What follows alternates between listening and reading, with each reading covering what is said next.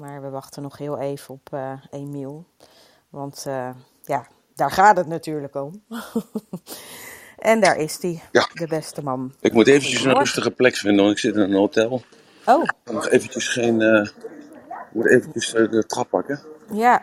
Want ik hoor net dat ik een, eh, in een, eh, even in een vergaderzaal kan zitten. Ja. Dus, eh, maar het maakt niet uit. Dus, eh, Nee, ik, kan, oké. ik kan de twee dingen tegelijk. Ja, dat kan jij. Hè? Dat kan jij. Als man zijnde. Nee, ja, we zijn eh, vandaag op zaterdag eh, 21 augustus. En we hebben nog drie weken tot het event. Ja, En daar willen we natuurlijk af en toe ook wel even de aandacht op vestigen. goedemorgen. Mag ik even hier zitten van de directeur? Ja? En, ehm, You understand me? En ehm, nou ja, je kan je nog inschrijven. We gaan het vandaag even hebben over Body Logic en wat het met jou, voor jou kan doen. En misschien in je werk kan doen, eh, hoe je het kan toepassen. Wat het over je gezondheid zegt. Eh, je kan jezelf leren begrijpen eh, door je, door je ja, hoe je lichaam in elkaar zit. Wat dat voor jou ehm, eh, voor consequenties heeft of niet. En ehm, ja, we zijn druk bezig met het organiseren daarvan. Dus we gaan de, vandaag daar ook even de tijd aan geven. En aan het einde van, het, ehm, eh, van de room zal ik nog wat eh, details eh, vertellen. Zoals de kortingscode en hoe lang het duurt, wat je, wat het, hoe het programma er een beetje uitziet. Heb je vragen of twijfel je nog van, nou ja, wat, wat je denkt dat het voor jou specifiek kan opleveren? Kom naar boven, stel gewoon je vragen. Ehm, daar zijn we voor.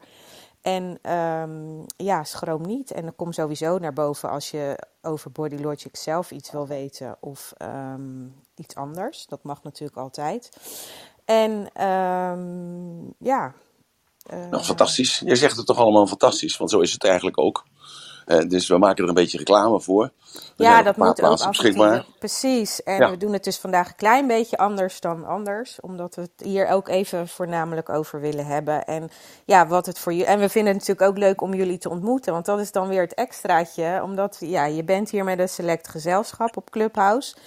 En eh, daar komt bij dat omdat je elkaar in de room al ziet, dat, ehm, dat, het, ja, dat je elkaar ook kan leren kennen ehm, op die dag. Dat je elkaar in het echt kan zien. Er zal misschien niet heel veel tijd zijn om, om, eh, om elkaar. eh, maar ja, dan weet je in ieder geval, oh ja, wie is dat dan wie daar zit? En dat is ook gewoon superleuk. Dat weet ik uit een, van de andere events van Emiel.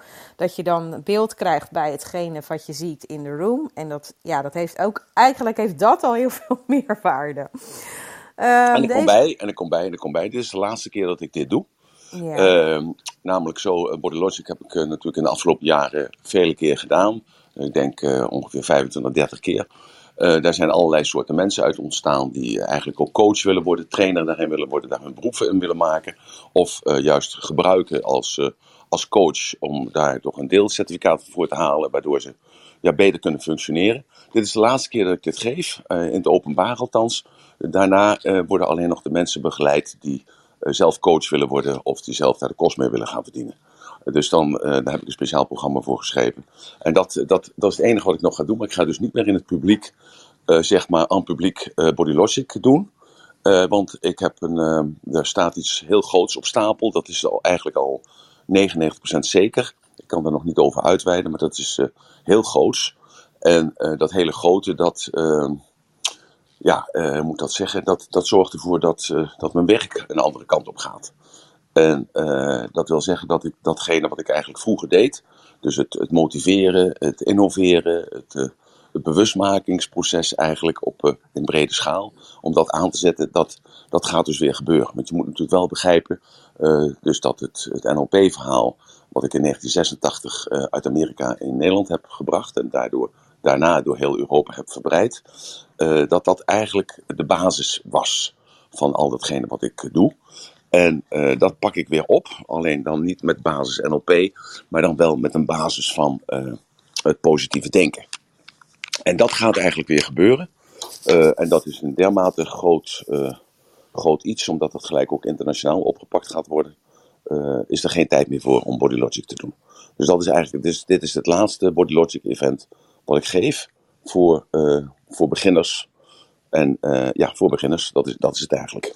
Ja, dus dat dus wil ik even toevoegen. Ja, dus wil je er echt iets mee gaan doen in, je, of in het verlengstuk van je werk of waar je het mee kan gebruiken? Je krijgt ook een echt certificaat. Dus je mag jezelf dan ook Body Logic Coach noemen. Je mag pas weg op, uh, op die dag dat je denkt, ja, hier kan ik wat mee. Heb ik... Uh, dat heb ik bedacht. Nee, maar dat is ook zo. Dat is, ook, dat is, dat is met elke training die ik geef. Het gaat erom dat je het begrijpt en dat je het uh, kunt doen. Uh, dat je er in ieder geval de eerste stap in kunt zetten om, die, uh, om het zelfbewustzijn te creëren in datgene wat je geleerd hebt. Want voor mij, met de lage opleiding die ik heb genoten, heb ik één ding gerealiseerd. Het gaat altijd om het doen. Het gaat altijd om het, ook al is het nog zo weinig wat je opsteekt. Hè, of dat voor mezelf heb ik altijd die norm gezet. Al is het nog zo weinig wat je opsteekt. Je moet er iets mee kunnen doen in de praktijk. Of je moet er uh, munten mee kunnen verdienen. Of je moet je relatie ten opzichte van jezelf kunnen verbeteren. Of je moet, uh, ja, moeten is dan misschien, het, is moed is dwang. Maar dat is wel een eis die ik aan mezelf stel.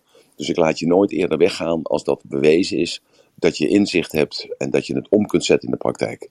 En dat is daarom ook, de, denk ik, de reden dat, ja, dat ik omstreden ben omdat uh, ja, in de meeste trainingen krijg je een stuk theorie en dan moet je weer een keer terugkomen, nog een keer terugkomen, nog een keer terugkomen. En meestal nog een keer terugkomen. En uh, dan misschien kun je stapje voor stapje kun dat integreren en dan stapje voor stapje kun ermee beginnen. Maar ik ben altijd de man geweest die gezegd heeft, nee, je bent een dag bij mij of twee dagen of drie dagen. En daarna moet je dus bekwaam zijn om de eerste stappen te zetten, zodat je zelfvertrouwen op kunt bouwen in dat nieuwe gebied. En, en dat, is, uh, ja, dat, dat maakt het natuurlijk ook altijd discutabel, omdat heel veel mensen die daar langer over moeten doen of langer over hebben gedaan, bepaalde technieken en andere niet te krijgen, vinden, denken dan van ja, dat kan toch helemaal niet. Je kunt toch niet na een sessie van 12 uur of van 13 uur heb je dat eh, te pakken en kun je ermee beginnen. Nee, omdat mijn overtuiging natuurlijk dat is dat alles al in jou zit. Alles zit in jou. Je moet alleen het uh, begrijpen dat je jezelf ook tegenhoudt om datgene wat je kent en datgene wat je geleerd hebt en datgene wat je ervaren hebt en de metafoor ook, die je meemaakt elke dag, dat je die kunt vertalen naar de werkzaamheden die je doet. En dan werkzaamheden uh, bedoel ik niet eigenlijk alleen het, het, het carrière, het loopbaangeheelte, maar ook dat je het kunt toepassen in je sociale verkeer, maar ook naar je gezondheid toe en ook naar, uh, ja, naar, naar, naar financiën toe en naar dan noem alle zeven zuilen maar op van de, van de identiteit. Ja, nou ja, ik, ik, de, ik ga, er, ga er zo nog heel even iets over zeggen. Ik wil wel even zeggen dat de room wordt opgenomen. Wil je niet op het podium daar, maar heb je wel een vraag, dan kan je die altijd stellen in de chat naar de moderators, niet naar Emiel, want die kan het niet beantwoorden uh, tegelijkertijd. Uh, dus dat kan naar de Marloes of mij. En, um, en anders naar e-mailadres clubhouse.ratelband.com. En, maar wat je ook doet, dus die dag, is je krijgt echt een stuk theorie. En, maar we gaan ook praktisch in de praktijk oefenen, zodat je er ook echt mee aan de slag komt, hè, kan, hè, Emiel? Ja. ja, nee, maar dat, daar begin ik eigenlijk dan ook mee. Ik, ik laat mezelf zien. Hè? En ik, ik laat dus zien, dan, uh, dus in het echt ziet er iets anders uit dan op de tv. Uh, en dan, uh, dus, dan leg ik al uit, naar aanleiding van hoe ik eruit zie en wat jij beleeft. Want dat is belangrijk. Wat beleef jij als je mij ziet? En, ehm, ja, en datgene wat jij ziet, dat word je dus dan bewust van. En dat is eigenlijk het begin van de reis want nadat, nadat ik uitgelegd heb eh, hoe ik eruit zie, ga je dat dus zien. En ga je ook dat gevoel wat je hebt bij mij, ga je dan ook uh, woorden geven.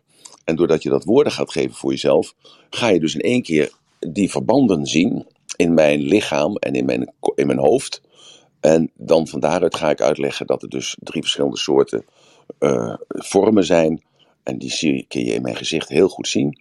En uh, van daaruit weet jij dus ook, dat wist je dus al, want dat weet je onbewust. Na aanleiding van dat je me ziet, weet je dan dat ik zo in elkaar zit. En daar begint het eigenlijk mee. En dan komen de vrijwilligers naar voren. En dan werken we daaraan. En dan leg ik de theorie uit hoe het ontstaat. En, uh, ja, en dat zijn hele logische theorieën. Dat heeft geen akkerkadabra. Maar als je daar even zinnig over nadenkt, dan zeg je van... Ja, ja, dat zit gewoon ook zo in elkaar. Dat wist ik al. En ik breng al die stukjes bij elkaar zodat jij het ook een hapklare brok kan nemen en gaat inzien dat dat bij je zoon of je dochter, of bij je baas, of bij je collega, of bij je leraar, of bij jezelf natuurlijk ook belangrijk, dat je dat gaat herkennen. En als je dat gaat herkennen, dan, dan is datgene wat je altijd al hebt gevoeld, krijgt woordjes en krijgt betekenissen. En dan begint dat leerproces. En dat leerproces, dat, uh, dat begint dus die dag, die 11 september, in de zaal. Maar dan als je terugrijdt en je staat in de file, dat is dan uh, s'avonds laat. Dus dat, dan kijk je niet zo snel uh, naar mensen die ook in de file staan. Maar je komt thuis, dan kijk je toch op een andere manier naar je partner. En de volgende morgen haal je je kinderen uit bed en dan kijk je daar ook op een andere manier naar. En dan zie je in één keer die parallellen en dan zie je die patronen. En, ja, en als je dat eenmaal hebt, dan, dan blijf je dat zien. En iedereen die daar geweest is, die zegt altijd daarna: ja, ik, ik kijk op een andere manier. En dat is eigenlijk ook de truc, dat je dus op een andere, onbevangere manier kunt kijken.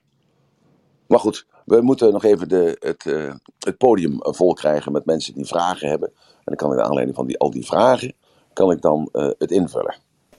Mag ja, dus voel je vrij. Ja, natuurlijk. Um, jij gaf net aan dat het uh, voor coaches uh, heel belangrijk is. En eigenlijk tussen neus en lip zeg je eigenlijk voor veel meer. Hè? Het is ook echt voor ondernemers die uh, klantrelaties aangaan.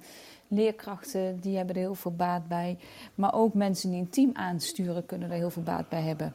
Dat ja. zeg je wel tussen neus en lippen, ja, maar sorry, niet sorry, concreet. Ja. Dus ik denk ik zal dat even zeggen. Nee, je, daarom is het Marloes, daarom ben ik zo blij altijd dat jullie mij de helpende hand bieden. Want voor mij is het natuurlijk altijd heel veel gesneden koek. En uh, voor mij is het dan uh, dat ik dan uh, moet dan elke keer weer teruggaan naar die, naar die stukjes. Om dat uit te leggen. Terwijl ik denk bij mezelf, ja, iedereen begrijpt dat wel. Maar dat is juist heel goed, die duidelijkheid erin. En daarom ben ik zo blij met onze samenwerking, met het coachen wat jullie mij doen. En het moderaten wat jullie mij doen. En ook de duidelijkheid brengen en de, de, de piketpalen zetten, zoals ik dat noem, waarin ik dan in dat veld kan spelen. Dankjewel Marloes voor deze aanvulling. Ja. dus, maar goed, wil je daarop ingaan? Wat, wat, wat die mensen, of uh, ga je dat nog ap apart benoemen? Wat, uh, wat Marloes net zegt? Ja? Nee, nee, ik geef even aan dat het wel een hele goede, een goede aanvulling is van Marloes. Ja, Want okay. uh, ik zeg alleen, ja, het is goed voor jezelf en het is goed ja, voor precies. je relatie oh, en zo. Okay. Terwijl het natuurlijk veel breder is. Want iedereen heeft natuurlijk in de zaal, in de room zitten, die hebben een andere behoefte. en een ander uitgangspunt en een andere beleving. En, ja, want ja, het heeft ook op je gezondheid betrekking, toch? Uh, ja, het heeft ook met de gezondheid te maken natuurlijk. Dat je dus, uh, ja, dus uh, je kunt zien aan de buitenkant. Hè, dus ik, ik heb dat vaker gezegd, buiten is gelijk aan binnen. En binnen is gelijk aan buiten. Dus aan de buitenkant kun je zien wat de processen zijn. Het is het ultieme bewijs dat lichaam en geest onlosmakelijk met elkaar verbonden zijn. Dus als je puistjes hebt, of je hebt moedervlekken op bepaalde plekken, zijn dat altijd de reflexpunten van organen. En uh, ja, of je, je eet verkeerd. Hè? En uh, hoe komt dat dan? Dat als je verkeerd eet, dat je dan puistjes krijgt. En uh, hallo, zit ik hier verkeerd? Yeah, we're told we should even. Uh, oh, you should over here. Oké, oké, never mind. Then I go somewhere else. Oké, okay. Ja, sorry jongens. Nee, geef niet. We gaan. Ja, een levend geel, een levend geel. live, dit is live. Allemaal live. Dan gebeuren dat soort dingen. Ja, dat weet iedereen in ieder geval dat het echt, dat het echt live is. Ja, precies. Ik ga even in een kamer dat, zitten. Uh, dat, uh, komt uh, allemaal erbij, maar dat geeft niet. Um, we gaan, nou, dat ik... maakt het ook echt natuurlijk. Ja, natuurlijk. Want uh, heeft, uh, niemand heeft ooit maar het idee van hij, hij neemt het op of zo. Nee. dus dat is natuurlijk ook even zo. Nu zit ik in een andere zaal.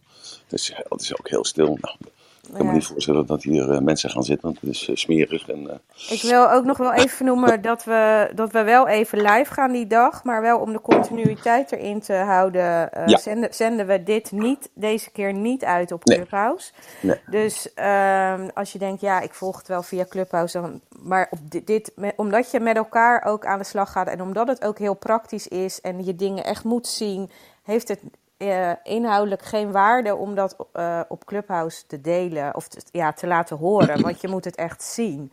En, en ja, daarvoor hebben we gekozen. We gaan s ochtends waarschijnlijk wel heel even live om toch even Emiel even te spreken. En, en even dat we even live zijn om negen uur, om toch even de continuïteit van het negen uur gebeuren. Ja. Want we gaan in, na augustus, dat wil ik ook nog even melden. Uh, want we hadden, er was afgesproken juli en augustus om 9 uur Clubhouse voor, met Emiel. Dat gaat na augustus gewoon nog door om 9 uur s ochtends. Dus uh, jullie hoeven niet in een gat te vallen of iets. Emiel zal er altijd zijn s ochtends om 9 uur. Als je ergens mee zit of wat dan ook. Ja. Of denkt van, uh, uh, hoe moet dat nou? Dan kan je altijd uh, op Clubhouse terecht. En ook die dag zullen we dat heel even doen. Alleen het programma uh, is, is beter om het gewoon live aanwezig te zijn en dat te Ja. volgen. Ja. Dus dat wil ik Ook goed dat je dat nog even zegt, omdat de laatste keer hebben we het wel ja. Dat, dat, dat kon dus eigenlijk niet, want we hadden het dan over de vormen. en dan werd er besproken over iemand die voorkwam. Ja, en dan zat je thuis zat je te luisteren. En ja, dat had helemaal geen enkele zin. Dus de- dat werd dat beschreven. En zo. Nou, maar ik zou je willen vragen: kunnen de mensen naar boven komen en dan eh, vragen stellen? Dan eh, kunnen we beginnen met het, eh, het, het eh, be- bespreken over Body Logic. En dan in specifieke gevallen. Dus dat zou heel fijn zijn als de mensen naar boven komen en eh, specifieke vragen stellen. Want het is altijd de vraag die jij stelt. Hè, dat is altijd een vraag die ook andere mensen graag willen stellen. Alleen jij bent dan degene die dan het voortouw moet nemen voor die anderen. Want er zijn nog schijnbaar heel veel mensen die zich ongemakkelijk voelen op het podium. Eh, dat heb ik ook al, eh, dat vraag ik ook elke keer ook aan de, eh, aan de dames en de heren die mij helpen met het modereren. Van wat zou dat nou zijn? Ja, en dan krijg je antwoorden van ja, misschien zijn mensen bang, of misschien zijn mensen verlegen, of misschien zijn ja, mensen die, die denken van ja, je weet overal een antwoord op en dan word ik misschien in de hoek gezet of zo. Nou, als jullie dat gevoel hebben, dan, dan hoor ik dat ook graag. Nou, misschien dat is iemand coach of heeft hij in zijn werk iets waar die we kunnen ook zeggen van eh, wie is een coach en, en denkt van wil vragen wat, wat, hij, eh, wat, hij er, wat hij ermee kan of zo. Zullen we coaches naar boven vragen of iemand die Nou, denkt iedereen. van iedereen? Nou, oké. Oh? Want het, het Dus- gaat natuurlijk om, eh, dus a priori ook de coach, eh, die, eh, die gebruikt dit, eh, als hij deze kennis heeft natuurlijk, gebruikt dit om de, eh, meer begrip te krijgen voor mensen. Want dat is natuurlijk ook zo, hè? Dus de communicatie eh, heeft natuurlijk ook te maken met eh, begrip. We noemen dat dan dat spiegelen in NLP, en dat is iemand nadoen. Maar eh, dat nadoen, dat ligt natuurlijk op zo subtiel. Dat kan met ogenknipperen te maken hebben, met ademhaling, met bepaalde specifieke handbewegingen, specifieke bewegingen, specifieke woorden die iemand gebruikt. Om daarmee te spiegelen, daarmee een rapport te maken, zoals we dat zeggen. Hè, waardoor dan er een stukje genegenheid komt. En ehm, het gaat natuurlijk om met die body logic, dat je dus op afstand al kan zien wat matcht. Wat match ik eigenlijk met die persoon? Wat is nou gelijk aan die persoon? En als je dus daar heel veel verschillen in hebt, is dat heel moeilijk om daar onbewust om die schakeling te maken. En eh, als je dat eenmaal weet, dat dus die vormen eh, iets representeren in die persoon, dan, dan kom je tot de conclusie heel snel dat dat ook in jou zit. Misschien dat je dat niet gebruikt, of misschien dat je dat niet heel snel herkent. Maar als je deze techniek van Body Logic bezit, dan, dan, ja, dan, dan krijg je een ander contact met een persoon. Dat gebeurt gewoon. En eh, dat komt omdat je dus dan herkent die eigenschap eh, van jezelf in die persoon. En dat maakt je verwanten van elkaar. Hè? Dan ben je een verwante van elkaar. En dan heb je ook dat empathisch vermogen eh, met die persoon op dat moment meteen. Om dus dan ook dat in te voelen en dat te begrijpen en te rechtvaardigen hoe die persoon denkt en wat hij doet. En dan heb je het ultieme rapportmodel te pakken. En eh, ja, daar is dat, dit helemaal perfect voor. En you never get a second chance to make the first impression. Hè. Je krijgt dus nooit een tweede kans om een eerste indruk te vestigen. En dus, dus naar buiten toe. En als jij dat initiatief kunt nemen in die communicatie. ehm, ik, ik liep gisteren hier nog over het strand. En er komt een meneer aan en ik, eh, die zegt tegen me: Hé, hey, Ratelband, leuk. Bam, bam, bam. En zijn vrouw zegt: Wie is dat? Hij legt dan uit wie ik ben. Die vrouw die kijkt mij aan. En met een, soort vernederende blik, zo van je, je verstoort eigenlijk ons loopje hier op het strand. En ehm, ik herken in haar, in haar vorm bepaalde eigenschappen van mezelf. En ik appelleer daar gelijk aan. En die mevrouw die, die klaart in één keer op. Dus op dat moment is al haar vooringenomenheden over het verstoren van het loopje met haar geliefde eh, loopt weg. Omdat ik oprecht interesse toon in datgene waar zij mee, eh, in welk proces zij zit. Ja, en dat, dat, eh, dan zie je dus gelijk effect. Maar dat heb ik te danken aan dat Body Logic, omdat ik dat gelijk onderken. Zo, dus je, you never get a second chance to make the first impression. Eh, dus haar indruk was dus van hij interveneert, hè, hij, hij komt dus tussen ons in te staan. En ik kon dat gelijk wegnemen met één woord of met twee woorden, kon dat gevoel wegnemen, waardoor een, een volwaardige discussie ontstond, een volwaardig gesprek ontstond. En waarna we elkaar als vrienden na vijf minuten weer weer afscheid van elkaar konden nemen en weg konden lopen. Zo, dus dat is mij even een, een praktisch iets wat je dus doet met deze non-verbale communicatie. Ik wil nog even bij zeggen dat het een relatief gesproken kleine groep is, dus maximaal 20, 25 man. Het is ook de laatste keer dat ik dat doe, voor zo weinig mannen optreden. Uh, dus dat, dat, wil ik ook nog even bij zeggen. Dus dat, uh, de kans om mij te leren kennen, met mij uh, echt op één op één te kunnen praten, dat, dit zal een van de e-, laatste keren zijn. Ook omdat dat, dat hele grote wat er aan het aankomen is, en een paar insiders die weten dat al wat er gaat gebeuren. En ehm, ja, daardoor wordt de afstand tussen tussen jullie en mij wordt eigenlijk daardoor, hoe moet ik dat netjes zeggen, ja, beperkt. Dus daar kan ik zelf niks aan doen, dat, omdat er dus iets groters bezit van mij gaat nemen. En dan dat gaat sturen. En dan zal ik aan de hand daarvan bepaalde dingen moeten doen en moeten laten. Het zal wel moeilijk zijn, maar dat zal toch wel gaan lukken. Ik wou zeggen, kun je in een keurslijf? ja, nee, maar dit is voor een groter, voor een groter doel. En dat grote doel, dat, uh, dat moet bereikt worden. En uh, dat, dat is zelf ook een van mijn dingen. Ik heb al uh, eigenlijk de, al de jaren dat ik hiermee bezig ben, heb gezegd: het grote succes moet nog komen. En daar worden dus nu de heipalen van in de grond gezet. En dat gaat nu gewoon ja, realiteit worden. Maar daar moet wel het een en ander voor gebeuren. Maar goed, daarom heb ik wel ook, hè, zo, zo mooi dat jullie dat zeggen, gewoon wel de beslissing genomen om op Clubhouse te blijven. Omdat dat, gewoon dat directe contact heb ik nodig.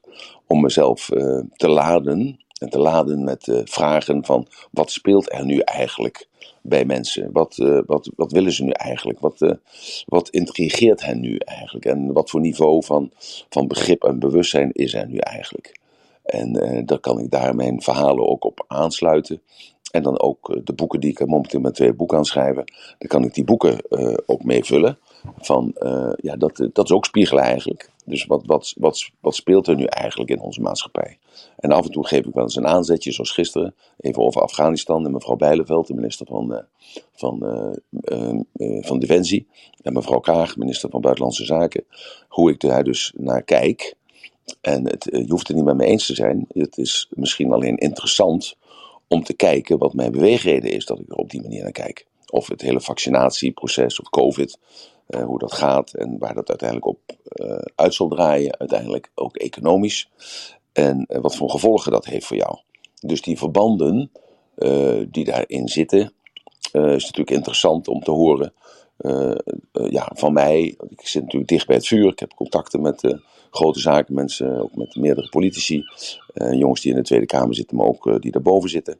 En grote ambtenaren. En ja, dus ik, ik hoor nog eens wat. En dat gebruik ik eigenlijk ook in mijn verhaal. Ik kan het vaak natuurlijk niet direct zeggen, maar wel indirect zeggen. En dan is het een kwestie van, ja, hoe vaak ben je in de room geweest? Hoe goed ken je mij? Als ik iets zeg, dan, wat hoor je dan? En uh, ja, dat is uh, interessant. Gisteren had ik nog iemand aan de telefoon die nu ook in de room zit. En dan hebben we het daarover. En dan heb ik ook gezegd tegen hem van... als het tegen zit, vriend, dan moet je me bellen. En dan kan ik je helpen. Al is het alleen maar eventjes om je gedachten te verzetten. En toen begon hij weer te lachen en dergelijke. Dus de focus veranderde ook weer. En dan, ja, daar heb je elkaar voor nodig. En dat is ook leuk in de room dat persoonlijke contact met elkaar. Dus wie wil naar boven komen en heeft een vraag te stellen? En die vraag is ook, uh, ja, zeer zeker dat die vraag ook eenzelfde vraag is van andere mensen. Nou, er zitten wat ervaringsdeskundigen ook uh, volgens mij in de room. Wat zeg je daar? Volgens mij zitten er ook wat ervaringsdeskundigen in de room die erbij zijn geweest de eerste keer, of niet? Uh, van Body Logic op 4 juli. Ja, wat, wat, zou nou, wat zou je nou willen horen? Waar, waar zou je het nou over willen hebben? Want kijk, ik kan natuurlijk wel een verhaal vertellen in het komend uur over hoe Bodylogic ontstaat, uh, wat die vormen zijn, uh, wat dat zegt, hoe je dat kunt gebruiken. laat nou weten van wat jou nou intrigeert hè, over dat Bodylogic. Omdat dat Bodylogic is, toen ik daarmee in aanraking kwam, tientallen jaren geleden, dacht ik bij mezelf, hoe kan dat nou? Hoe kun je nou aan de buitenkant zien uh, hoe iemand aan de binnenkant gevormd is. Hoe kan dat nou? Nou, toen hebben ze mij dat uitgelegd. Uh, dat was in andere talen ging dat. Want er was, er was één mevrouw in Sittard. Die zat daar, ben ik, ben haar naam kwijt. Die mevrouw die had heel ernstig reuma. Die had van die ringen in. Ben haar naam vergeten, maar dat beeld dat zit me gewoon op mijn netvlies gebrand. En die had heel zwaar reuma. En die had van die ringen om waardoor haar vingers recht bleven. En ze had zo pijn.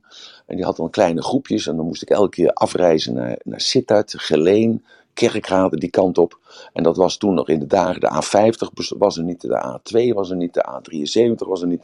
Dus je moest binnendoor, moest je helemaal rijden die kant op. Dus dat, is, dat was in de jaren 60, 70 of zo. Nee, 60 niet, was 70, 80 was dat, ja.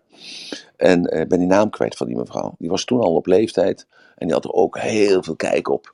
Toen dacht ik, hoe kan dat nou? En die vrouw die legde dat dan ook uit. En dan, het, is zo logisch dat buiten laat de binnenkant zien. Hè? Want je weet zelf natuurlijk dat als jij uh, ja, dingen die je verkeerd eet, of je, je slaapt te weinig, of je hebt stress, je maakt je druk, uh, je hebt financiële problemen, of je, ja, je, nou, noem allemaal maar op, dan kun je dat aan de buitenkant ook zien. Dat weten we allemaal. Hè? Je, je, je, je glanst als het ware als het allemaal goed gaat, en je wordt dof als het uh, tegen zit. Dus dat laat je huid al zien. Ja, we weten allemaal dat je, als je bepaalde allergieën hebt, je hebt hooikoorts of je hebt uh, een allergie van, uh, van zuivel of zo. Dan, dan krijg je puistjes op bepaalde plekken, of in je gezicht. Uh, ik heb dat zelf ook als je goed kijkt naar mijn gezicht. Ik, zit onder de gaten, omdat mijn moeder vond dat ik melk moest drinken. Als, als kind zijnde. voor de puberteit en tijdens de puberteit. Ja, en ik heb dat, die gewoonte doorgevoerd tot, tot aan 1986.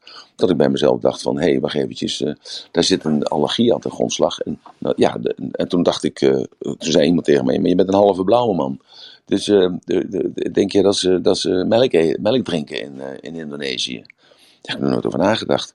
Ja, en denk je dat ze melk drinken in China? Ja, daar heb ik ook, ook nog nooit over nagedacht. Hij zegt, nou, kun je dat in overweging nemen dat, uh, dat jouw bloed anders in elkaar zit. En dat, je bio, dat, je, dat, je, dat je darmen anders in elkaar zitten. En dat daar geen, geen beestjes in zitten die die melk kunnen neutraliseren en op kunnen nemen. Had ik nog nooit over nagedacht. Dus ik ben daarmee gestopt. En ja, en toen bleek in één keer dat uh, die puistjes verdwenen. Zo, maar ondertussen had ik, zat mijn hele, hele kop zat onder de gaten. Dus, want ik, ik, drukte die puistjes ook nog uit. Als, als jongeling zijnde, want ik wilde die niet hebben. Zo, dus even, ja, dat, dus we weten dat allemaal, dat aan de buitenkant, dat je alles kunt zien. En, en we weten ook allemaal die verschillen. En we weten bijvoorbeeld met honden. Hè, we horen, horen de, de, de, hond van Mirjam keffen. En we horen dat dat geen rotweiler is. we zien gelijk een klein hondje. En hoe klein die is, ja, dat kan zijn 20 centimeter, maar in ieder geval geen uh, 1,20 meter. En als je een paard ziet, dan, dan zie je ook dat een, elk paard een andere vorm heeft. Hè? Als je van paarden houdt en je rijdt paard. Of uh, met, met, met katten en met poezen.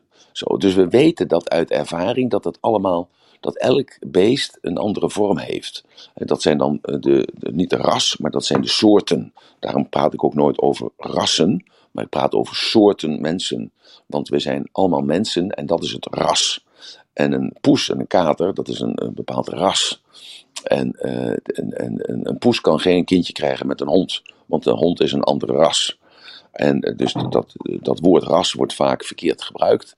Maar het ras is dus het soort uh, van, ja, van, van, van beesten of van, van typetjes, of hoe je het ook noemen wilt, die met elkaar een kindje kunnen krijgen. Dat is dus hetzelfde ras. En in die ras heb je dus verschillende soorten. En die soorten, dat komt door het voeding, dat komt door de cultuur, dat komt door de godsdienst. En zo ontstaat er dus een, een type uh, van mens, omdat het ook cultuur bepaald wordt, wat iemand eet. En dan ga je begrijpen dat dus in jouw lijn, van jouw familie, dat er niets aan verandert, want het blijft in dezelfde soort. Dus het blijft een Caucasisch, of het, het wordt uiteindelijk dan een mengsel tussen Aziatisch of Mongoliede heet dat dan, met iets Caucasisch of iets Negroïde. En dan, daar komt dan dus een heel ander soort mens uit. Een beetje van die en een beetje van dat. Hetzelfde als dat jij altijd een beetje op papa lijkt en je lijkt een beetje op mama. Uh, ja, en wat lijkt je dan op mama en wat lijkt je dan op papa? En het kan ook zijn dat het dus door het voedsel wat mama gebruikt, uh, of door, door, door de eigenaardigheid van roken of drugs of uh, bepaalde soorten vlees die geladen zijn met hormonen of chemicaliën, dat het één of twee generaties overslaat. En daarom is dat zo belangrijk, waar we het vorige week over hadden, was dat geloof ik, dat je dus die band met je ouders en opa en oma, dat je die uh, niet alleen onderhoudt, maar dat je die ook onderzoekt. En dat je, uh, dat je heel vaak tegenkomt dat je nog dingen doet die eigenlijk opa of oma, wat je dan hoort van papa of je mama hoort, dat jij die dingen nog af moet maken. Of juist dat dat talent wat hij of zij had, dat jij dat hebt georven, maar dat het één generatie heeft overgesloten, eh, overgeslagen. Dus dat is zo herkenbaar bij mensen. En uh, dat geeft ook zoveel kracht en zoveel vertrouwen dat jij dus iets afmaakt waar je opa of je oma of je overgrootmoeder aan begonnen is. Dat, en, ja, en, en dat hoor je heel vaak als je dan intensief met mensen praat. Zo. Dus we weten allemaal, we gebruiken dat body logic, gebruiken we allemaal, dat is onbewust. Het was vaker uitgelegd, het, is het eerste proces in het leerproces is onbewust incompetent. Je weet niet dat je het niet weet en je weet niet weet dat je het niet kent. Dat is het eerste proces. Dat is de eerste, de eerste stap van het leerproces. Dus je realiseert je dat je het niet weet en niet kent. De tweede stap is dat je bewust, in, bewust incompetent wordt. En dat is dat je dus vrij, zaterdag de 11e bij mij in de zaal zit. En dat je dus bewust erover na denken dat je niet de betekenis weet van een ronde vorm op iemands gezicht of in zijn lijf. En niet bewust uh, kent, weet van wat een rechte vorm is of wat een eivorm betekent. En op het moment supreme dat je dus dat bewust gaat worden, dat je dat niet weet, en uh, ik licht een tipje van de sluier op, dan word jij bewust daarover nagedacht. En bewust ga je dus dan, uh, dat ga je bewust zien. Dus je wordt bewust competent. En je wordt bewust competent en, en, je denkt van, ik moet eens even goed kijken. Waar zit die ronde vorm nou? Zit die ronde vorm in die kin? Zit die ronde vorm in dat voorhoofd? Zit die ronde vorm daarboven dat oog? Zit dat de ronde vorm in die wang? Zit die ronde vorm in die neus? Zit die ronde vorm in dat oor? Waar zit die ronde vorm? Hé, hey, ik zie daar geen ronde vorm in dat oor. Ik zie daar een rechte vorm in dat oor. Want je hebt ook mensen die hebben rechte oren. Dat noemen die spokoren. En die lopen dan spits toe. Zo, en dan zie je dat pas en denk je van zelf, hé, hey, wacht eens eventjes, dat heb ik nooit gezien. Ik heb nooit gezien dat het een, een recht, dat die man of die vrouw of dat mijn zoon of mijn dochter een recht oor heeft. Hé, hey, wat, wat eigenaardig. En dan hebben we het over de eivorm en dan, dan zie je in één keer dus dat je gaat zien van, oh, daarom maakt die persoon zo, zo die indruk. Dat komt omdat die kin eivormig is. Dat hebben we nooit gezien, maar wat betekent dat nou eigenlijk? Nou, en als je dus dan dat verhaal hoort erbij van waarom die kin, hè, dat is het laatste stukje van de wervelkolom. Zo dus even, als je een, een vinger langs je wervelkolom trekt dan over je hoofd heen, dan kom je bij je kin terecht. En als je dus dan een emotie beleeft, dan, dan voel jij die kin bewegen. Dat is die non-verbale communicatie. En als jij een, een, een sprongetje maakt, of je bent aan tennissen, of je bent aan het hardlopen, of je bent gewoon eh, de afwas aan het doen, dan voel je dat die beweging van die wervelklomp die je daar maakt, dat die doordringt tot aan die kin. Dus die kin is het laatste stukje van het overbrengen van, van emotie of van kracht. Emotie is natuurlijk hetzelfde als kracht.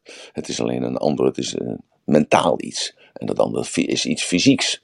Zo, en dan ga je zien dat, dat, dat die persoon die uitdrukking heeft door die kin. Zo, en, en dat zegt dus alles over die persoon. En dat, dat maakt zoveel los bij jou dat je in één keer gaat begrijpen waarom hij of zij zich terugtrekt. Of waarom hij of zij de confrontatie niet aangaat. En waarom hij of zij niet eerlijk is in jouw optiek. En dan krijgt dat niet eerlijk zijn een ander etiket. Want je gaat begrijpen dat dat onwil is of onkunde is van die persoon. Want hij of zij kan dat eenvoudigweg niet. Dat, dat, is een barrière voor hem of haar. En, uh, ja, en dus als je dat gaat zien, die verbanden en de, die verschillen, ja, dan word je bewust competent, want dan, het is gewoon een ziekte. Dan ga je daarop letten. En dan ga je begrijpen dat die afstand van de ogen, waarom die op een bepaalde afstand van elkaar behoort te staan. Want er is een meetmethode. Hè? Er is een, hè, je kunt wel zeggen, iemand heeft grote oren, maar dat is een kwestie van gokken dat je dat doet. Maar er is een meetmethode. En dat leer ik je ook hoe je dat kunt meten. Dus uh, natuurlijk, met een meetlatje kun je natuurlijk niet uh, naar je baas toe gaan en even zeggen, mag even je oren meten? Of even je neus, of even je ogen meten. Maar je leert dus daarmee, door, door te werken aan je kinderen of aan je partner, of aan je oom of een tante of iemand die geïnteresseerd is in bodylogic, leer je dus met dat maat nemen elke keer, leer je dus ook te kijken in maatvoering. En zie je dus die discrepantie daarin. En als je die discrepantie ziet, omdat je dus die excuses. Gezondheid. Die gulden snede weet als uh, voorbeeld, als maat, ga je ook zien van dat iemand een groot hoofd heeft of een klein hoofd heeft. En wat zegt dat dan als iemand een groot hoofd heeft of een klein hoofd heeft? Nou, dan begrijp je ook waarom die persoon uit balans is. En uh, als ik dan, dat je dan gaat zien dat iemand bijna geen nek heeft. En bijna geen wil zeggen dus dat de, dat de romp en hoofd bijna één, één lijn hebben. Eh, of dat iemand juist een hele grote nek of een grote hals heeft. En als de ringen om de hals hebben de betekenis van dat je kunt zien van of iemand lichamelijk, fysiek veel pijn gehad heeft, of juist emotioneel veel pijn gehad heeft. En dan ga je oma meer begrijpen, of je ouders meer begrijpen. Dat als je dan naar die ringen kijkt, dan weet jij wat voor pijn zij geleden heeft, mentaal of fysiek. Zo, dus het, het, kunnen onderscheiden van al deze distincties, hè, dus uh, distinctie is het Nederlands woord voor uh, kleinigheden, geloof ik, onder, dingen die je onderscheiden, ja, onderscheiding. Distinctie is iets onderscheiden, onderscheidend, wat, uh, wat onderscheidt. En dan ga je zien waarom mensen dus anders zijn van anderen. En dat is, dat is heel iets intrigerends, omdat juist iets wat anders is, dat stoot af van nature. En dan ga je zien dat juist in dat verschil, juist dat er iets complementairs zit. Dat die persoon jou dus heel veel kan leren uh, vanuit een ander perspectief. En als je die stap hebt gemaakt door Body Logic, dan gaat er een hele wereld open. Want dan zijn juist die verschillen zijn niet meer afstotend, maar die verschillen worden juist aantrekkelijk. En als je die stap hebt gezet, ja, dan is jouw leerproces oneindig. Omdat je dus dan open staat voor de ervaringen en, om de, en de gevolgtrekkingen van andere personen in totaal andere kaders en totaal andere referentiepatronen. En dan uh, ja, van je opponent, hè, dus degene die tegenover jou staat, degene die anders is dan jij bent, kun je veel meer leren als van de mensen die gelijk zijn aan jou. En, want uh, de mensen die gelijk zijn aan jou, die, uh, ja, die denken zo, die hebben dezelfde politieke partij en die hebben dezelfde kleur en die hebben dezelfde voorkeur van voedsel en die hebben dezelfde onhebbelijkheden.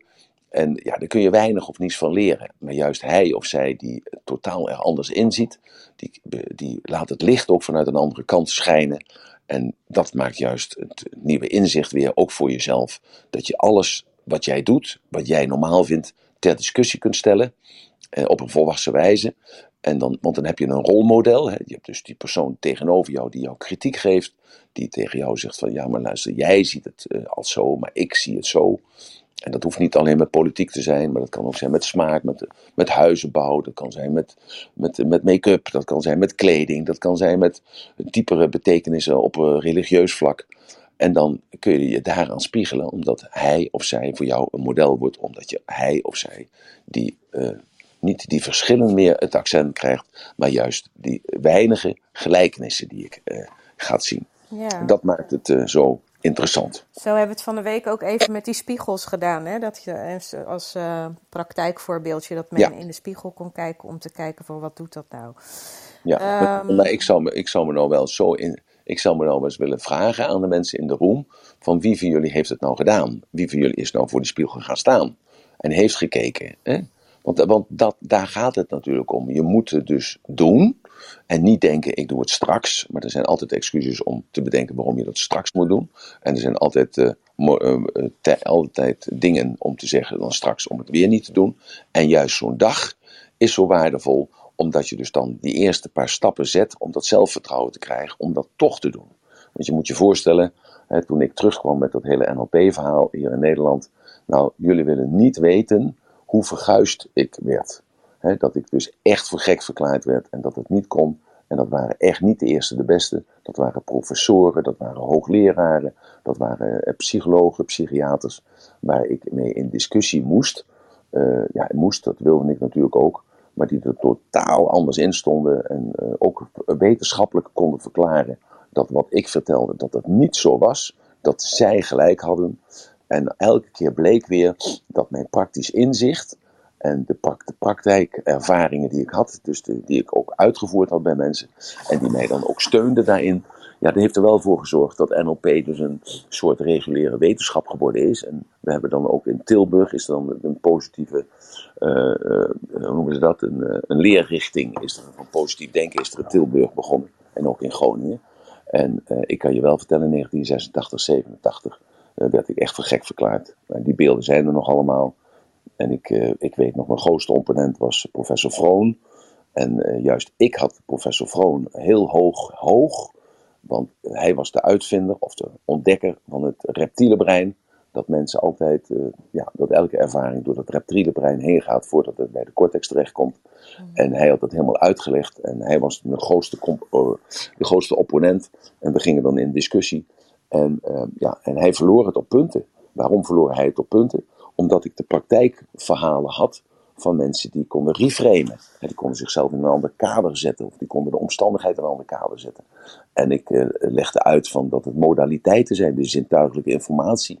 Dat dat een soort eh, slot is in je hoofd. En dat je daar een bepaalde sleutel voor hebt. En dat jij dus dan die sleutel bezit als enige. En eh, jij als psycholoog moet die sleutel eh, ontdekken. En dat is een volgorde van interne representatie. Dus dat kun je vragen. Van eh, wat denk jij nou bij die gebeurtenis toen jij eh, die vreselijke traumatische ervaring beleefde? En als dan teruggaat naar dat moment, dan is het een volgorde van ik voelde iets en ik zag iets, ik hoorde iets en ik proefde iets en ik rook iets. En toen gebeurde dat.